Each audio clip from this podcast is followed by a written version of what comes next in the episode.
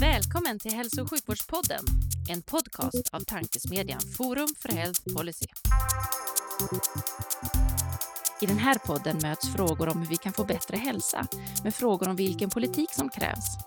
Det kommer bli samtal om personcentrering, ledarskap, digitalisering, organisation, politik och mycket mer.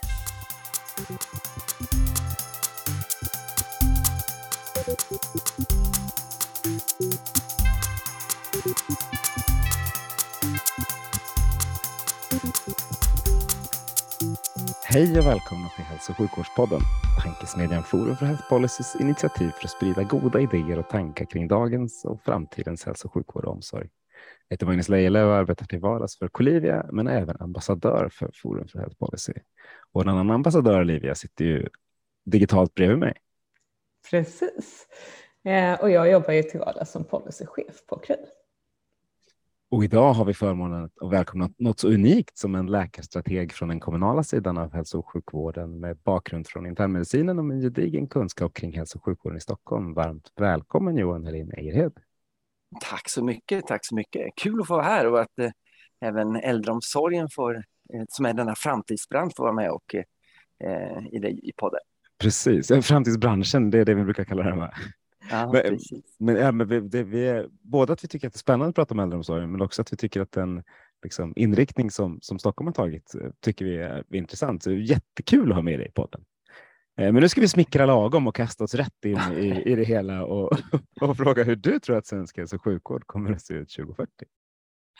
Eh, jo, men jag tror ju att det kommer vara... eh, Jag tror man, om man ser så här på patienten eh, så kommer patienten vara betydligt äldre. Vi kommer ha en mycket större andel, eh, högre andel eh, 65 plus och framförallt 80 plus. Tittar man på 80-plussarna eh, så tar ju de ganska mycket utav sjukvårdens resurser idag och de kommer ju öka med 50 procent fram till bara 2030 egentligen. Eh, och det kommer ju ställa krav på att eh, vi alla som håller på med hälso och sjukvård kommer, måste bli ännu bättre på att möta den, den äldre patienten. Eh, och, och det tror jag handlar om att man måste ha en helhetssyn och stödja individen. Eh, att leva med värdighet med största möjliga välbefinnande och inte bara se just det medicinska utan se vad, vad är det faktiskt som vi eh, vad är det faktiskt som gagnar patienten. Så det blir ju, det blir ju en eh, personcentrerad vård på riktigt helt enkelt. Att vi får, ja, Tror du att vi vi kommer kommer, bli, tror du att vi kommer bli bättre eller hoppas att vi kommer bli bättre?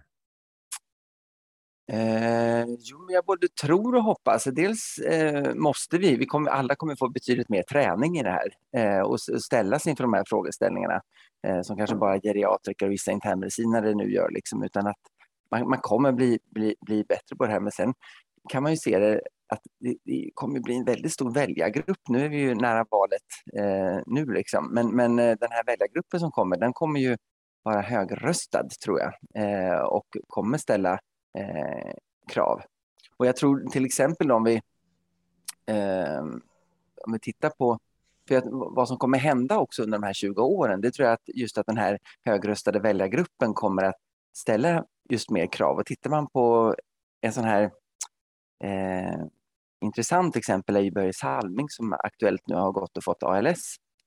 Och då har vi hela LSS-lagstiftning som säger att får du en, någonting före du 65, då får du personliga assistenter hela livet, resten av livet.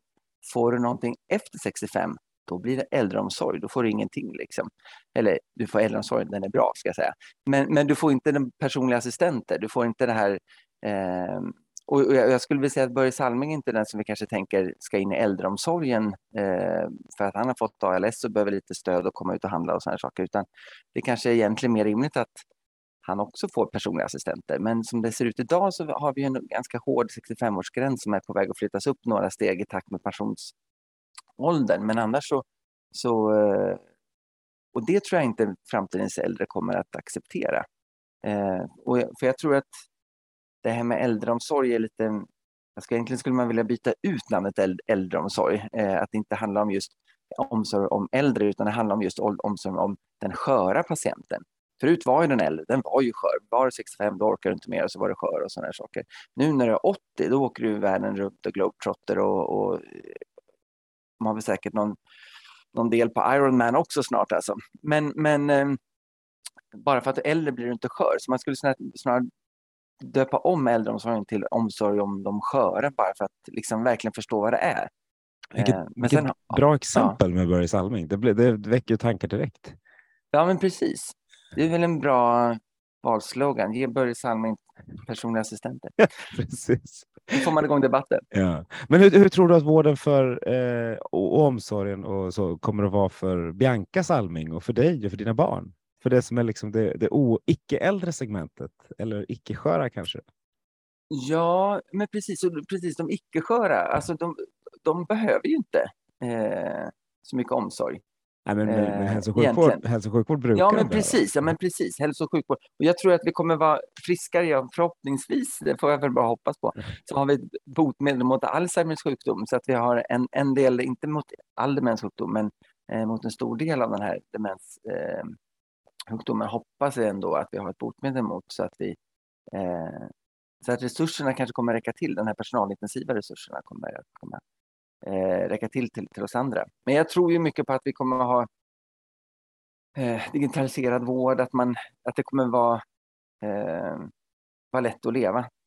Eh, och att man har kontakt med sin vårdcentral eller eh, sjukvårdsinrättning om man vill det. Liksom.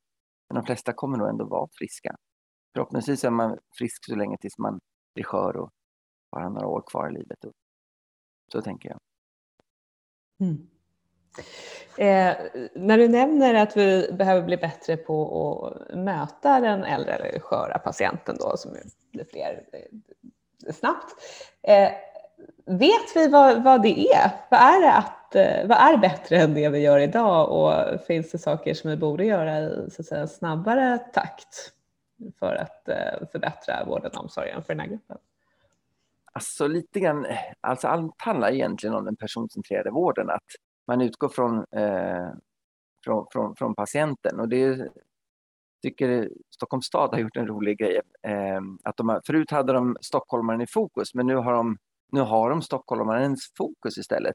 Och det är väl det som hela det här med god och nära vård och riktig personcentrerad vård handlar om. Att vi, det handlar inte om att vi ska sätta patienten i centrum utan just eh, fråga patienten vad som är eh, viktigt för den. Och jag tänker, jag har ju tryckt på i flera år här att liksom patienterna är så dåligt informerade, men det är snarare tvärtom, att vi ska snarare titta på att är vi inom hälso och sjukvården informerade om vad patienten tycker och tänker?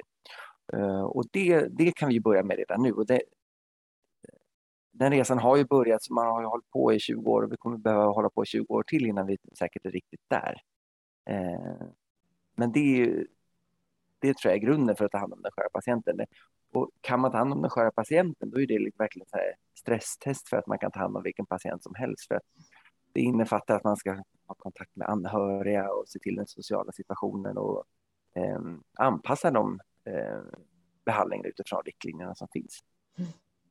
Mm. Lite grann som, lite grann, jag brukar, ibland om man ska förklara för läkarstudenter och så får man säga det är lite grann som att man lämnar in dem på förskolan. Liksom. Det, det, det, det är inte samma grej. Alltså man måste hantera föräldrar och, och allt möjligt och så.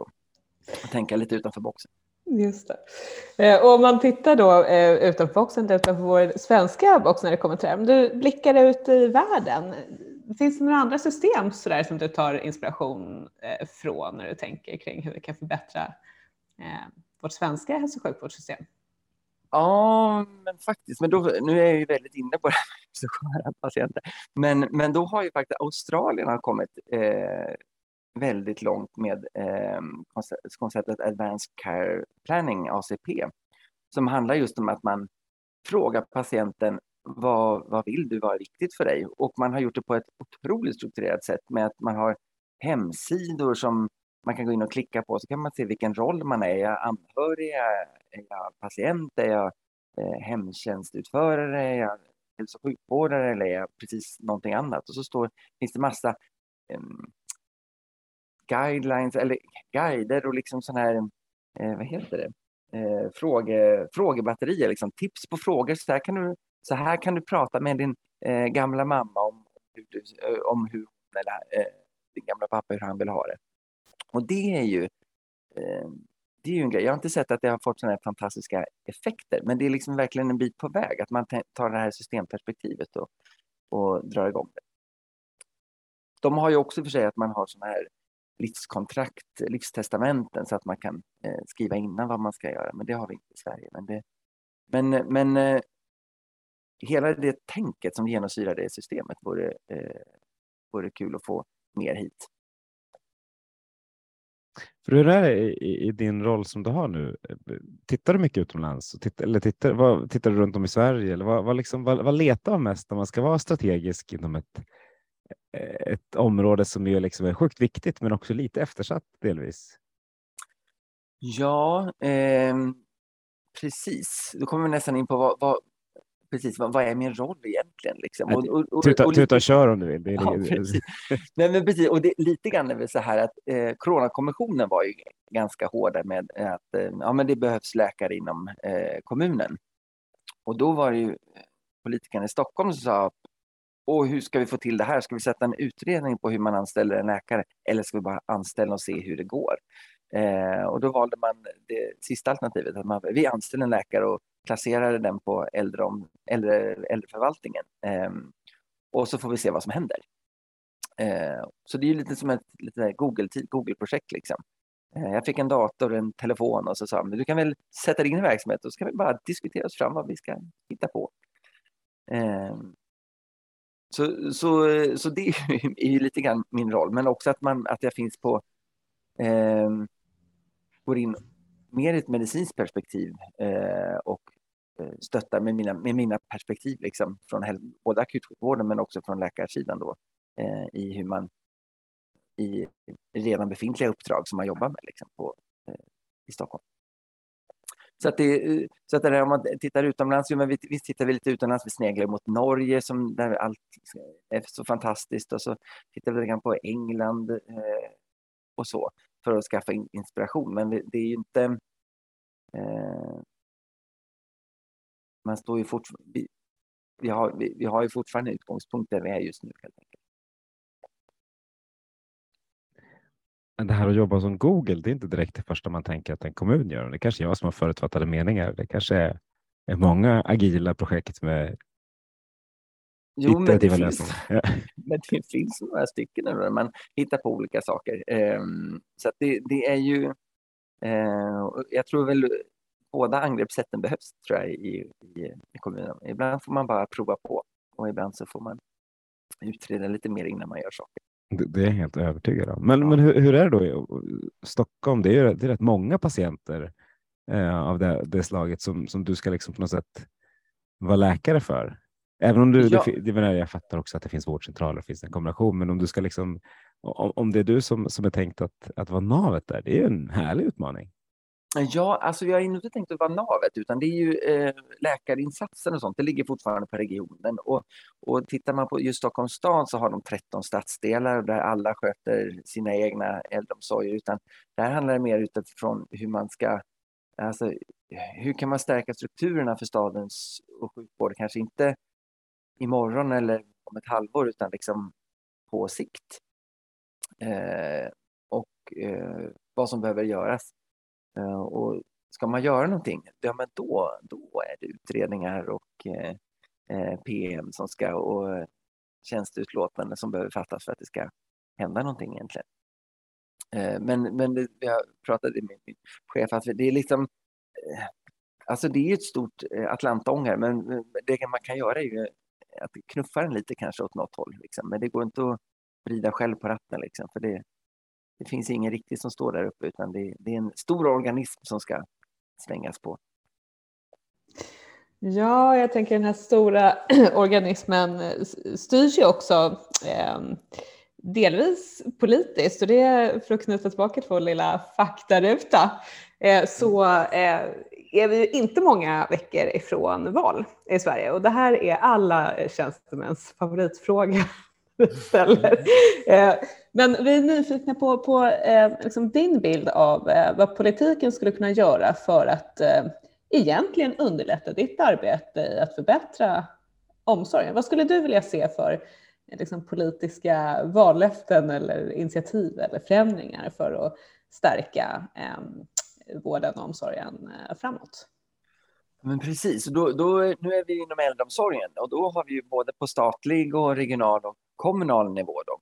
Eh, men eh, och här kom ju faktiskt en eh, statlig utredning i, ledd av Olivia Wexell, Socialstyrelsens eh, generaldirektör och eh, Lisa Andersson som har utrett god och nära vård också. Men de kommer med en eh, snygg utredning här i slutet av juni. Eh, där de har tagit fram, de har tagit fram ett förslag på ny äldreomsorgslag. Det var den ena delen av, av utredningen och den andra delen var eh, hur man ska stärka den medicinska kompetensen. Eh, generellt sett eller, in, in, i den kommunala primärvården. Och där finns ju jättemycket förslag som man skulle faktiskt kunna, som är ganska enkla att göra. Eh, och det tror jag man skulle vilja göra på eh, både kommunal och regionalsidan egentligen.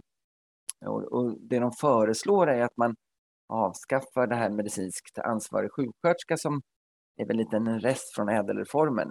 Och istället så inför man lednings eh, kvalitetsansvariga för omsorg och kvalitetsansvarig för rehabilitering. Men också att det ska finnas en ledningsläkare ehm, eller en, led, en ledningsfunktion på regionsidan för, ehm, för, eh, för inom äldreomsorgen. Eh, och det tror jag på. Det kan man säga Region Örebro har redan börjat gå den vägen. Men ehm, om man bara gör det som utredningen säger så, så tror jag det kommer bli mycket bättre. Eh, på regional och kommunal nivå. Tittar man på eh, sjukvården i stort eh, så, så tycker jag det är konstigt att man, man pratar så otroligt mycket om de här stimulansbidrag och det kastas miljoner hit och dit och ingen har koll. Och, och, och när jag, jag, kan säga när jag sitter i en kommun här så eh, när, när, när stimulansbidragen eh, till slut når ut till själva verksamheterna, men då är vi inne i augusti. Så då har de här verksamheterna fyra månader på sig att liksom spenderar sina grejer. Så, så stimulansbidrag kan man fundera på.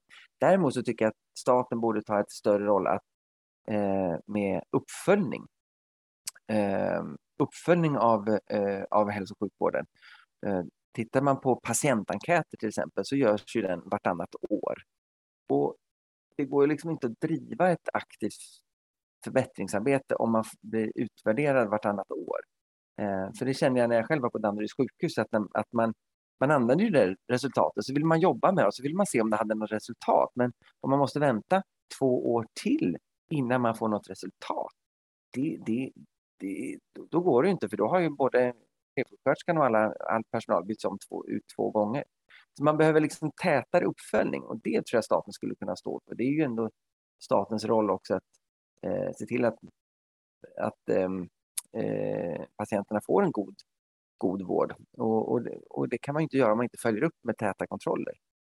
Så det, och det tänker jag, och idag, och det här är ju också lustigt, det ligger ju på SKR med, med, med patientenkäten och brukarundersökningen ligger på Socialstyrelsen. Så att om man bara samlar det på Myndigheten för vård och omsorgsanalys istället och så får de ett större uppdrag att eh, driva uppföljning av sjukvården och styra på det sättet.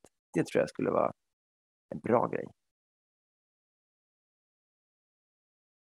Någon däremot? Nej, nej, det, det, var, bara, det var min mute-knapp som var emot framför allt. Jag tyckte det var ett bra förslag.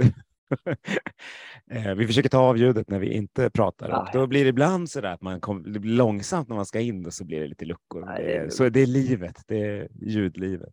Men ja. du, fråga, du har ju varit på Danderyd tidigare. Eh, nu hoppar vi in i vad du har gjort tidigare, men vi har pratat med fler som har jobbat på Danderyd som, som sa att kommunen var liksom det var inte den första man samarbetade med i känslan.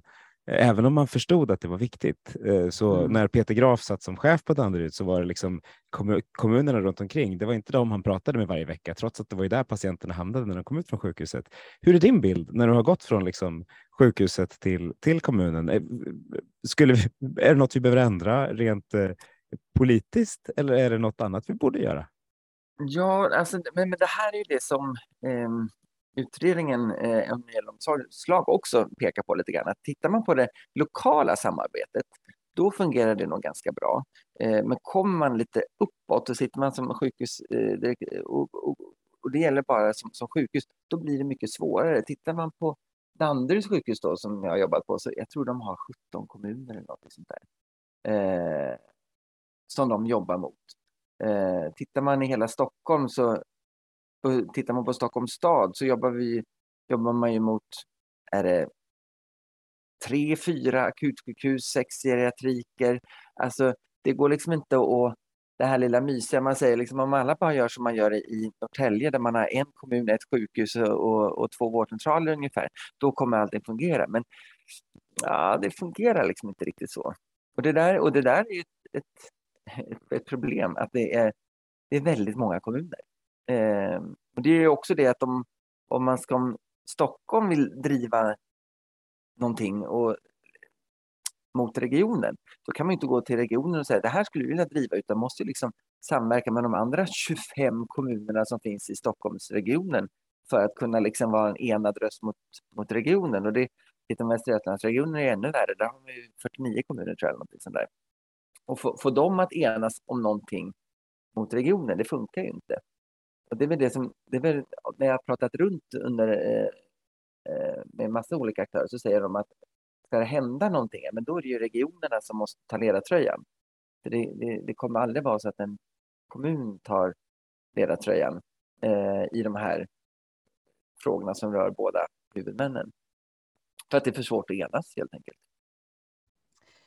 Finns det några specifika områden så som du ser att det vore eh, gynnsamt att regionerna tog ledartröjan i utifrån de här då dialogerna du har haft även, även med andra kommun, finns en samstämmighet hos kommunerna kring vad man skulle vilja se ett tydligare liksom, ledarskap från regionen kring? Mm. Områden? Jag tror kommunerna kommer nog aldrig säga att de vill se tydliga ledarskap från regionen. De vill nog, de vill nog vara med och påverka själva genom sina kommunalförbund som det heter. Men, men, eh, men det handlar ju om de här stora övergripande frågorna som just hälso och sjukvård, eh, samarbete ehm, eh, kring hemsjukvården men också kanske folkhälsoarbete som är någonting som lite grann har missats på något sätt. Det är man dålig på att samarbeta kring kan jag tycka. Eh, där borde eh, regionen ehm, steppa upp lite mer och bjuda in. Man blir ju som invånare i Sverige lite, lite frustrerad när man hör att nej, men vi kommer aldrig att kunna samarbeta alla kommuner i Stockholm eh, om en så enkel fråga som att vi ska ha att patienterna ska må bra i Stockholm. Det borde liksom vara, det borde vara någonting man verkligen skulle kunna samarbeta kring, även om jag förstår att man inte kan. Jag är, inte, så, jag är också realist, men det är, det, det liksom, vi, behöver vi inte göra något åt det här? Jo men, man för, jo, men man försöker. Nu har man en nytt samverkansstruktur här och så hoppas man på, på, på detta just i Stockholm. Eh, och eh, ja, vi får väl se hur det går eh, egentligen. Tillåt, mig, också... tillåt mig att mm. tvivla lite då. precis. Eh, precis. Eh, jag tror det är viktigt också att man funderar på vad är det faktiskt vi vill uppnå. Eh, vad, vad, vad, är målet? Alltså, eh, det, det tror jag är viktigare än samverkansstrukturer.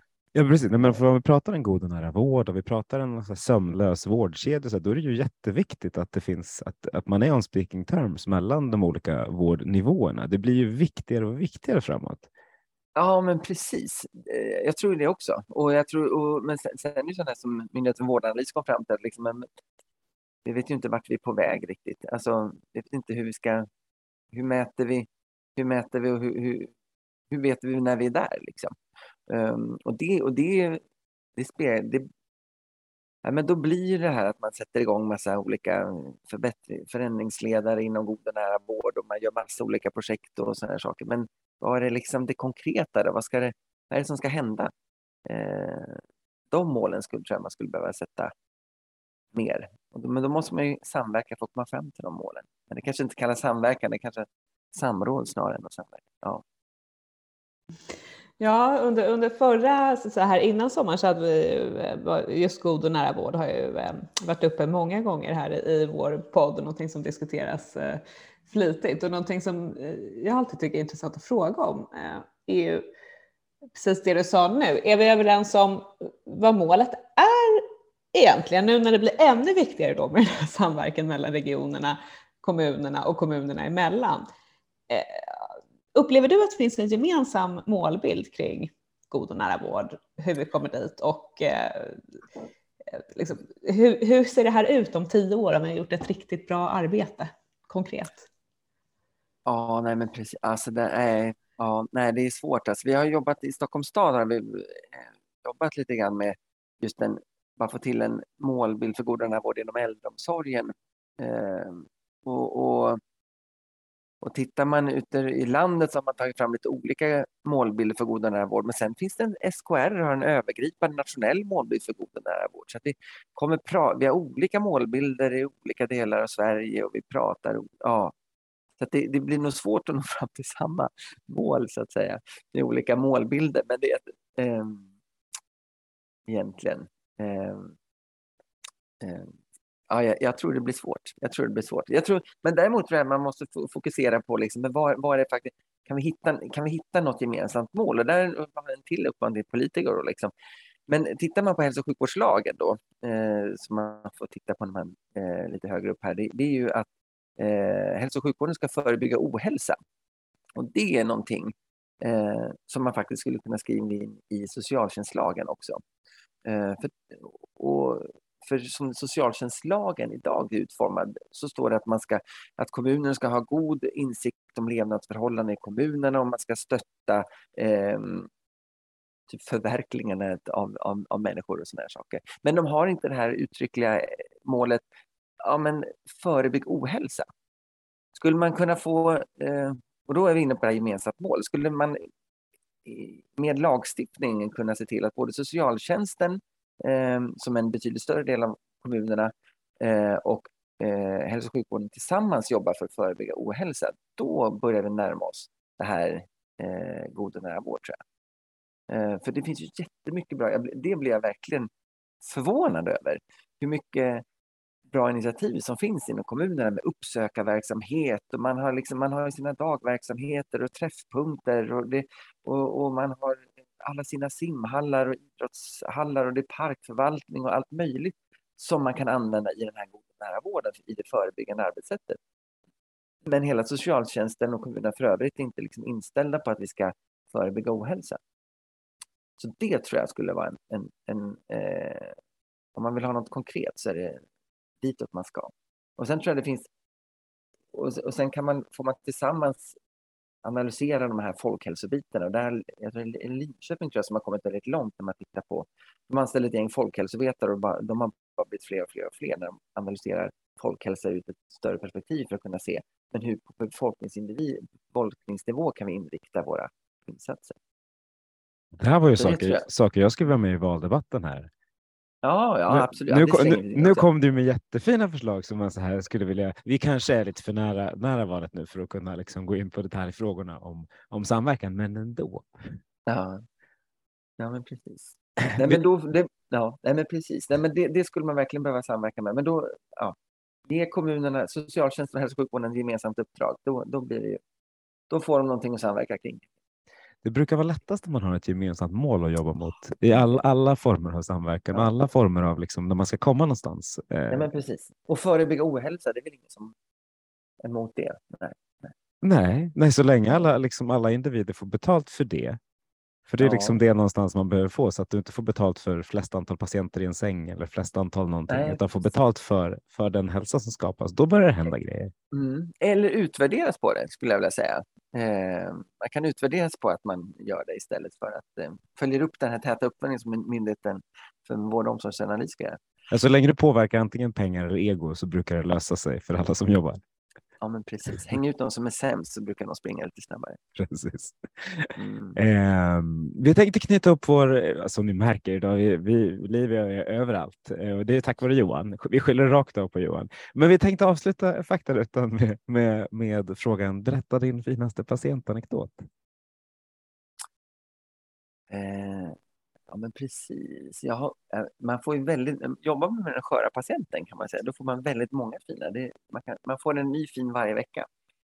Eh, jag skulle kunna ta ett eh, exempel från en som, men som belyser det här hur viktigt samtalet är. Och det var en eh, kvinna som inte var så gammal. Eh, hon var väl kanske 73. Eh, men hon var väldigt skör och hade massa sjukdomar och, och var väldigt för eh, och hade hamnat på ett äldreboende för att det funkar inte hemma. Hon åkte lite fram och tillbaks mellan sjukhuset och äldreboendet och sen så kom jag till min avdelning och så sa sköterskorna, du Johan, nu är det dags att ha ett framtidssamtal som vi brukar säga. Eh, du måste prata med henne. Det finns inte ens det finns ingen alls som har pratat om begränsningar i åtgärder för att hon var ju så ung ändå. Så gick vi in och, och gick in och pratade med henne och eh, frågade eh, henne du, hur tänker du kring liv och död och din situation och om hjärtat ditt skulle stanna, skulle du då vilja att vi försöker få, ig få igång det igen? Hon sa jag har aldrig funderat på det. Och då är det ju en person som uppenbarligen befinner sig närmare döden än födseln. Eh, och säger att jag har aldrig funderat på det. Eh, kan jag få prata med mina barn om det också? Och då säger jag absolut, det går bra. Vi, kan, vi pausar diskussionen, så kommer jag tillbaka imorgon och så pratar vi vidare då.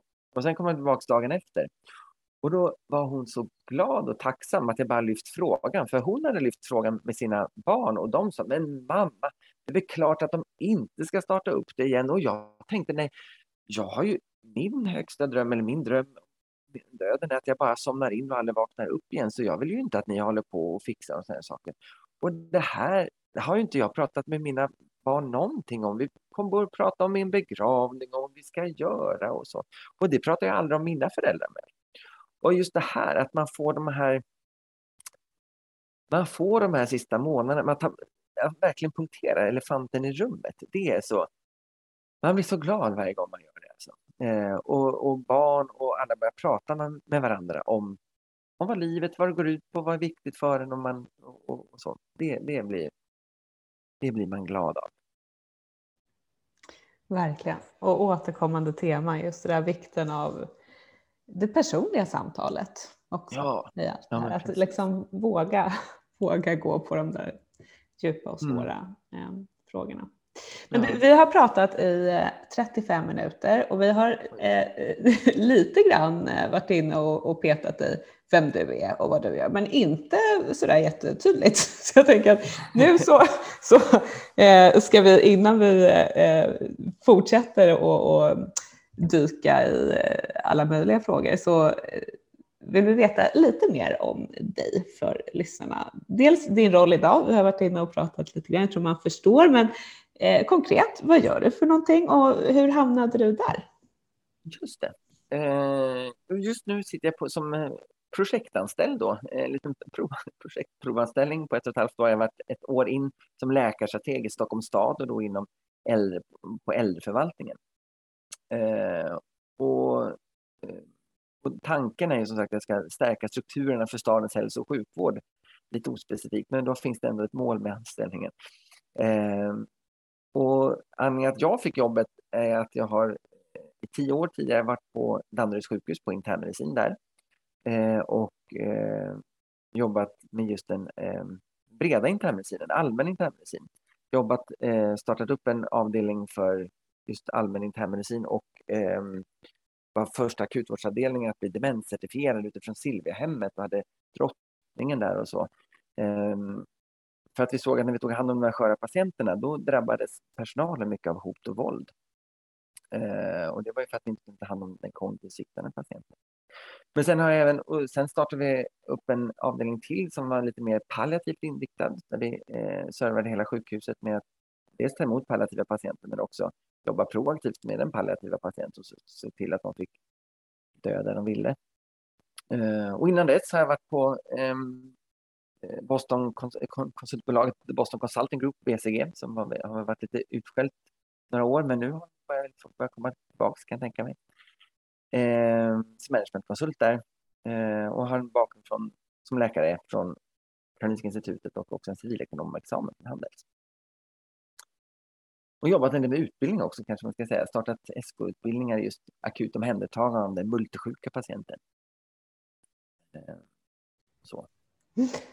Spännande, bred, bred ehm, eh, bakgrund. Men du som läkarstrateg, du sa eh, du, du, kom till jobbet, fick en dator och så eh, tänkte man att ah, nu, ser, nu anställer vi läkare och så, och så eh, kör vi och ser hur det går. Vad, vilka lärdomar har du med dig från första tiden här? Vad har du, eh, vilka liksom, insikter har du kommit till eh, sen du fick den där datorn och skulle sätta igång? Ja, men, eh, ja, men mycket eh, precis. Dels är det personliga insikter och personliga insikter är väl just det här hur en förvaltning fungerar. Det är ju otroligt, eh, viktigt också. Ehm, eh, just det hur man jobbar med, med treårsplaner och budgetuppdrag och, och så att man kan inte riktigt man kan inte komma på en grej själv eh, och börja jobba med det nästa vecka och tro att eh, det fungerar utan det finns ju en verksamhets plan för hela eh, kommunen och att man kan och, och, det går att påverka den på, på längre sikt och hur, hur det påverkansarbetet eh, går. Eh, det har jag eh, förstått. Eh, sen är tycker jag många andra insikter är liksom hur mycket, mycket bra det pågår inom, inom kommunal, eh, på, på, på, den, på den kommunala sidan. Eh, och en annan insikt är också det här när man pratar om äldreboende så säger man att man mycket, många kommer ju dit folk är så otroligt sjuka på äldreboende säger man. Liksom. Och, det, och det stämmer. Eh, av de som skrivs in på ett äldreboende så hälften nästan eh, är avlidna in, inom första året.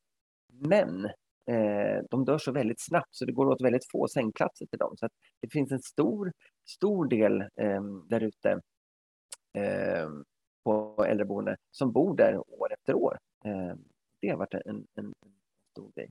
Att det behövs både och. Det är lätt att tro att efter coronapandemin liksom, att det ska vara små sjukhem på, på, på äldreboenden. Men det finns de som kanske inte ens behöver träffa en läkare under ett helt år. De bor kvar. Ja, de är stabila i sin sjukdom. Precis. Vi kan väl knyta an till den här, för eh, pandemin har vi lärt oss väldigt mycket av. Eh, du har fått ett nytt jobb på grund av pandemin. Det är ju oh, det är inte så bara det.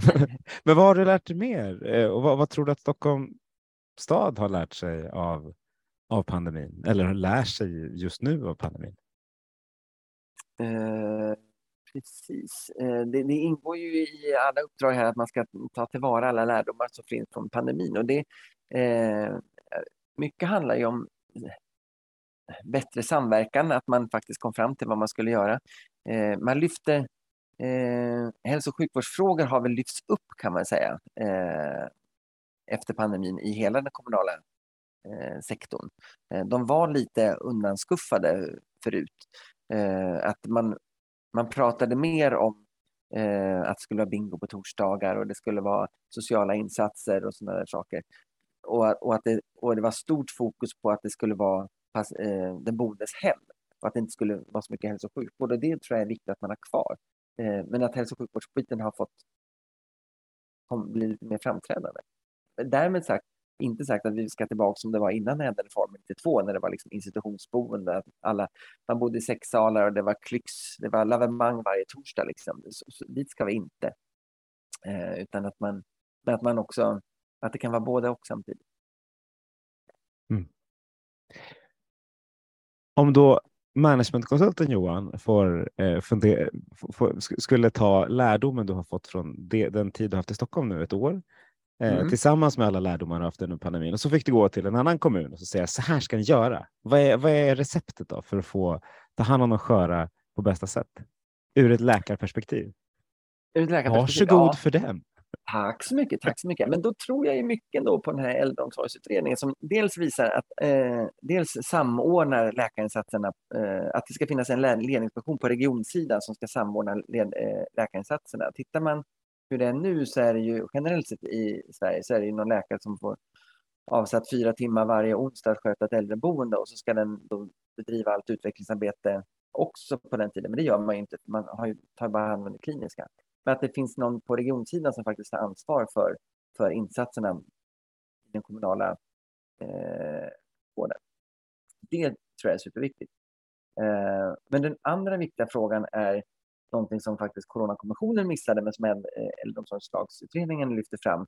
Och det är det här att eh, verksamhetschefens roll i den kommunala hälso och sjukvården måste stärkas. För som det ser ut idag eh, så är det den medicinskt ansvariga sjuksköterskan som ansvarar lite grann för att patienten får en god ändamålsenlig vård. Och, det, och genom att ha den, den lagkonstruktionen gör ju att, att chefer har lite grann blivit friskrivna från allt ansvar. För allt ansvar ligger på den stackars medicinskt ansvariga sjuksköterskan som varken har mandat, resurser eller sitter med i någon ledningsgrupp och kan påverka sjukvården. Eh, och det tror jag har varit... Och det påverkar ju. Det är ungefär som att man är, har ett, ett, företag och säger liksom, du har koll på verksamheten men du behöver inte ha koll på ekonomin för det har det har ekonomiavdelningen, det behöver du inte bry dig om. Eller HR-biten, du behöver inte ha koll på HR. Det, det har all, all, alla personalen. HR har allt sånt. Det vore ju fantastiskt att ha sånt jobb kan man tycka. Eh, men det har vi då i, i, i den kommunala sjukvården då, att vi har haft en medicinskt ansvarig sjuksköterska som har allt ansvar. Eh, eh, sen har det kanske inte riktigt fungerat så i praktiken, men från hur det har varit utformat så har det varit så. Och det är ju dåligt. Jag tror att verksamhetschefen måste vara den som eh, bestämmer och känner ansvaret i de här frågorna. Om man fortsätter då för, för att bestämma och, och, vi pratar lite, hälso, eller lite äldrevård. Det är ett rätt kul ämne och särskilt när vi har dig med på tråden här. Man får ju det man mäter. Eh, vad, vad, ska, vad ska vi mäta? Om du skulle göra en dashboard kring, hälso, kring äldreomsorgen i Stockholm jämfört med övriga, vad, vilka parametrar skulle du vilja mäta då för att man faktiskt kunna se att ja, men ni är bra eller ni är dåliga, man ska kunna bli bättre på saker? Uh, just det.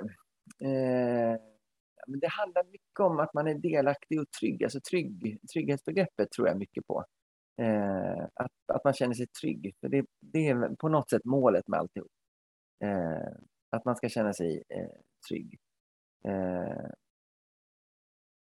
Man ska också känna att man har en meningsfull tillvaro. Eh, det är väl de två grejerna jag skulle kunna säga. Sen får jag också, nu jag känner mig som en apa här lite grann, men den här äldreomsorgsutredningen Aha. har faktiskt tagit fram en, eh, hade också det som uppdrag att ta fram en liten väldigt snygg uppföljningsmodell för äldreomsorgen. Och de har åtta olika sektorer, tror jag, eller sju olika sektorer, där man just ska mäta äldreomsorgen. För att det just, som du säger, det behövs bli mer mätbart.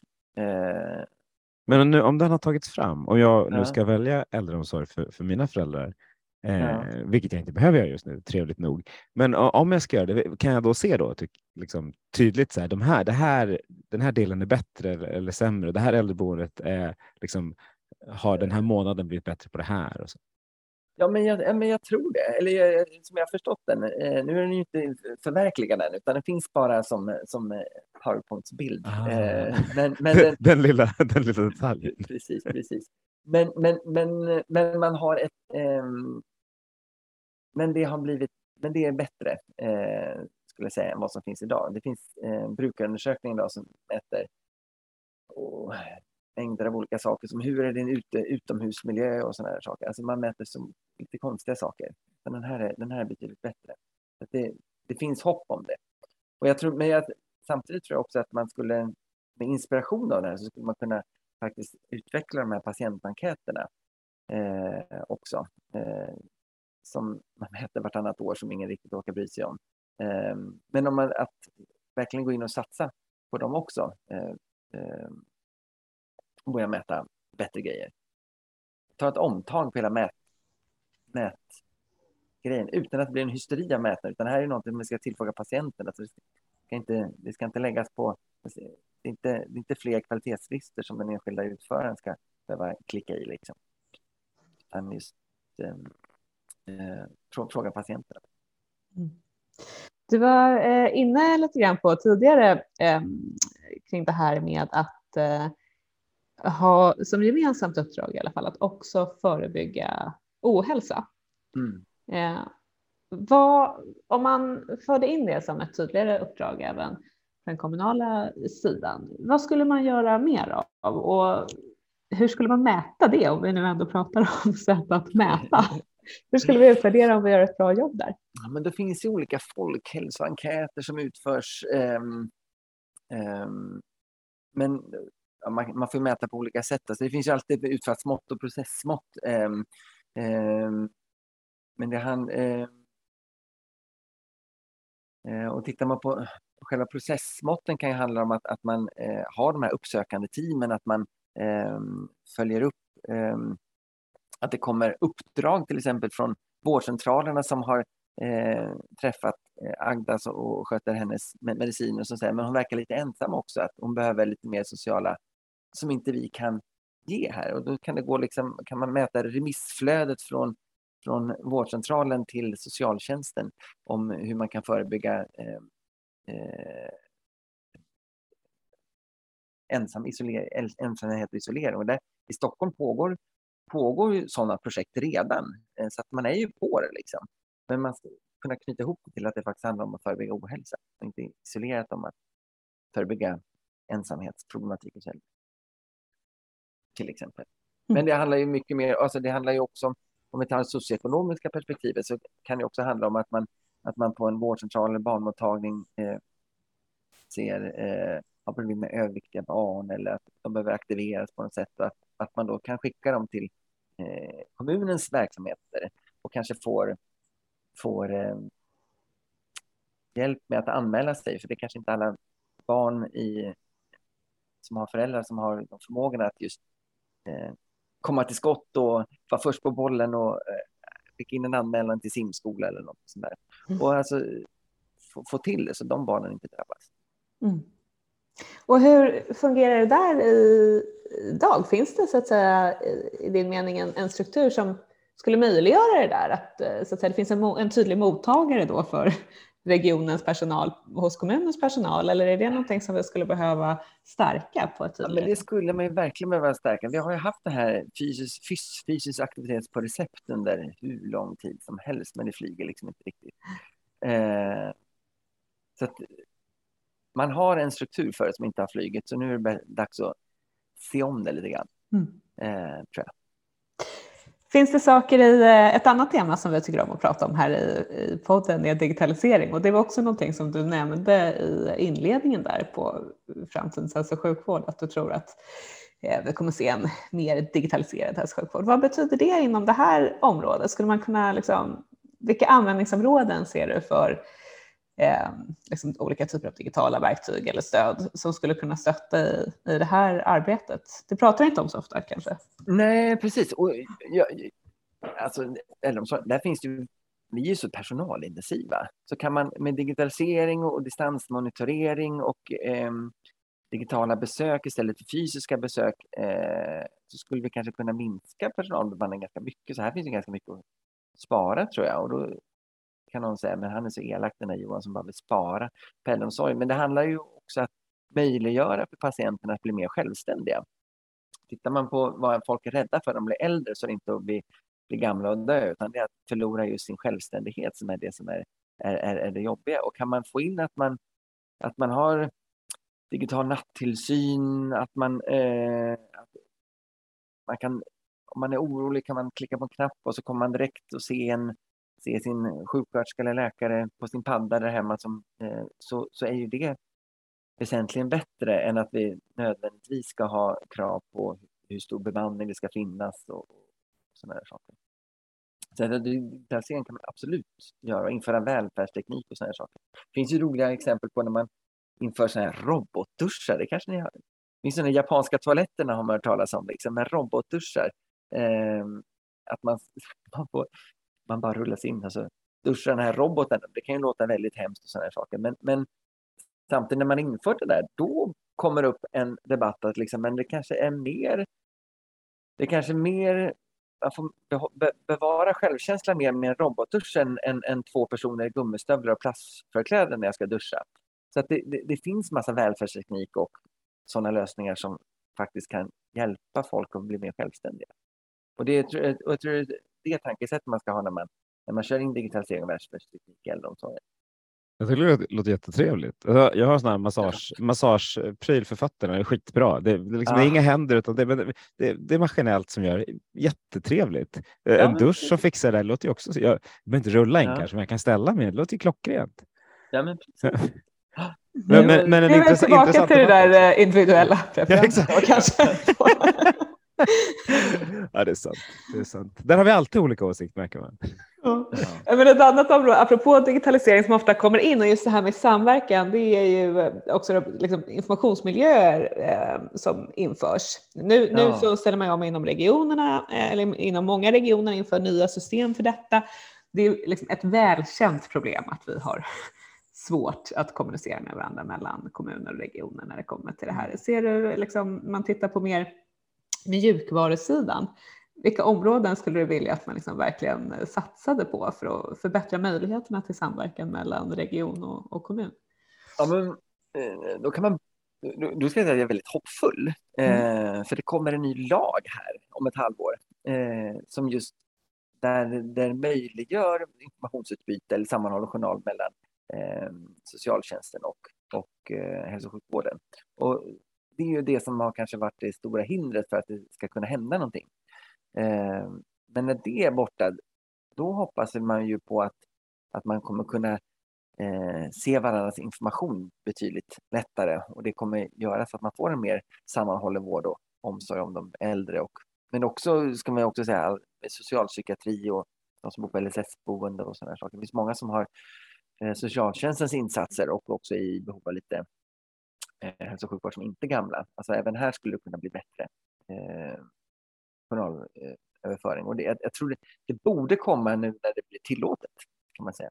Sen, sen eh, tror jag inte man ska stirra sig allt för blind på det här med, eh, med själva grundsystemet det man köper in. Liksom. Utan det intressanta är ju användargränssnittet. Och kan man ha ett användargränssnitt som kan ha massa olika, ta upp massa olika källor, men jag upplever det ändå som en, en datamängd, då, då, då blir det ju, då är det ju att föredra. Liksom. Mer fokus på det helt enkelt. Användargränssnitt. Håller vi tummarna för eh, att den här nya lagstiftningen blir verkligen en, en katalysator för? Ja, men jag hoppas det. Jag hoppas det. Och det, ja, precis. Och det tror jag att tittar man nationellt så är det ju så att flera olika kommuner har nu gått över till eh, regionernas journalsystem. Eh, hela, hela Kronoberg har gjort det och Västmanland är på, på G och Enköping har gjort det. Så att det, man vill liksom man vill åt något håll i alla fall och det underlättar jättemycket om all hälso och sjukvårdspersonal pratar i samma system och inte två system. Och sen ska vi koppla på social, socialtjänsten på det också. Sen är vi nästan hemma. Så hoppfull är jag. Då kommer lyssnarna att tycka att du är nästan för hoppfull med, med tanke på att det varit svårt att få ihop regionens system eller snudd på omöjligt skulle ja. man nästan vilja säga. Eh, men, men det är klart, vi är alla jätteoptimister eh, här och 2040 är ju långt bort, så det finns ju alla möjligheter att det faktiskt skulle ja. kunna hända någonting. Ja. Ja. Men däremot att, att, att, lagstiftningen om sex månader löser allt, det, det, det, där har, håller jag alla tummar för att du har rätt och att min skepticism är felaktig. Ja, men precis. Det, finns, det är väl det som har hållit folk tillbaks kan man väl säga. Det har inte funnits, det har inte funnits som möjlighet egentligen tidigare. Eh, men, nu, men nu blir det mer tydligt. Det tror jag blir bra. Eller nu, nu går det. Du, när du kommer från, från, en, från regionalt håll in i, i kommunen, hur, hur skulle du säga att kommunerna är vad det gäller innovationsupptag? Eller du får vi prata om Stockholms kommun just eftersom det är mm. Stockholms stad. Eh, hur är innovationsupptaget? Hur, hur, bra är, hur bra är man inom kommunen? Eh, jo, men jag tror väl att man är ungefär lika bra som eh, på, eh, inom, på regionsidan där kan man säga. Jag har, jag har hållit på med försökt se till innovationer på, på sjukhussidan också. Och det, det svåra när man inte är hos en, hos en privat vårdgivare, det är ju att det ska upphandlas. Du kan inte köpa in vad som helst. Eh, så det är ju ett stort problem. Eh, det är nästan som man liksom, eh, skulle vilja ge en pott pengar till alla privata vårdgivare och liksom pröva på så mycket innovation som möjligt. För gör man det i den, i den offentliga delen så, så är det svårare. Med alla, det ska till innovationsupphandlingar och sådana där saker. Eh, och, och visst, det finns ett, det bra med det är ju att vi också sitter och klagar på att det finns hundra olika system i Stockholm. Eh, ja, det är för att alla har kunnat liksom putta in lite vad som helst. Man har fått pröva lite hur som helst. Vi vill ju ändå att det ska vara typ ganska få system, de ska vara gemensamma. Och det, det, men det ska lira med innovation också. Eh, så, så, så, det är ju en, en svårighet som jag sett både på regionsidan och den kommunala sidan. Att, att eh, det är inte så lätt att bara slänga in saker. Men sen, och, men sen handlar det också om om man ska få införa välfärdsteknik och eh, digitala tjänster så måste man ju kunna räkna hem investeringen. Och som man har tittat mycket på nu och Coronakommissionen är inne på är ju det här att man ska ha ett minimi, eh, man ska ha minimibemanning. Har man minimibemanning fast man har en jättebra grej som skulle kunna minska nattbemanningen, då kommer alla kunna räkna hem den här välfärdstekniken och innovationen. För att de är ändå enligt avtal skyldiga att behålla kvar bemanningen. Då står man med dubbla kostnader.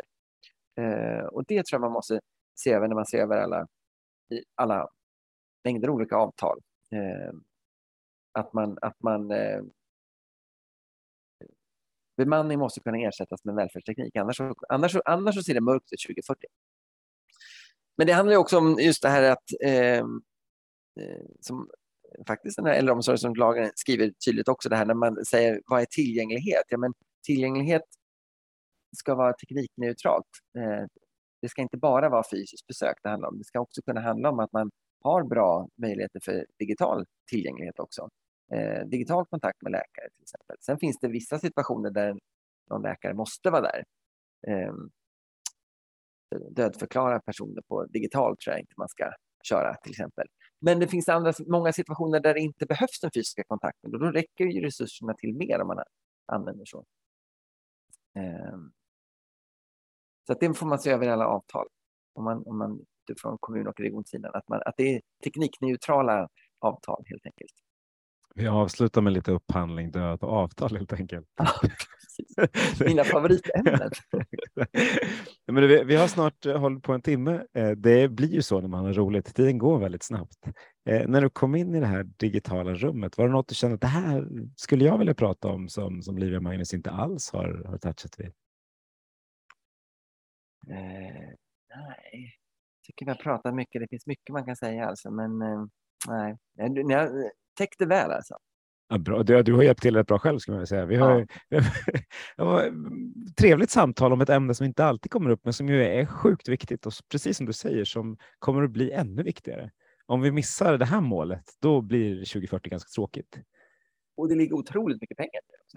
Ja. man inte glömma bort. Nej. En blinkning till alla innovationer ute. Ni är välkomna faktiskt. Men testa de privata först, eller vad var det du sa? Precis, om de har rätt avtal så att de får det är lysande. Men, men Johan, då skulle jag tacka varmast för att du var med i Hälso och sjukvårdspodden. Tack så mycket. Tack så mycket. Och tack Livia och tack alla ni som lyssnat. Eh, nu går vi ut och gör svensk hälso och sjukvård till något ännu bättre tillsammans. Tack så mycket.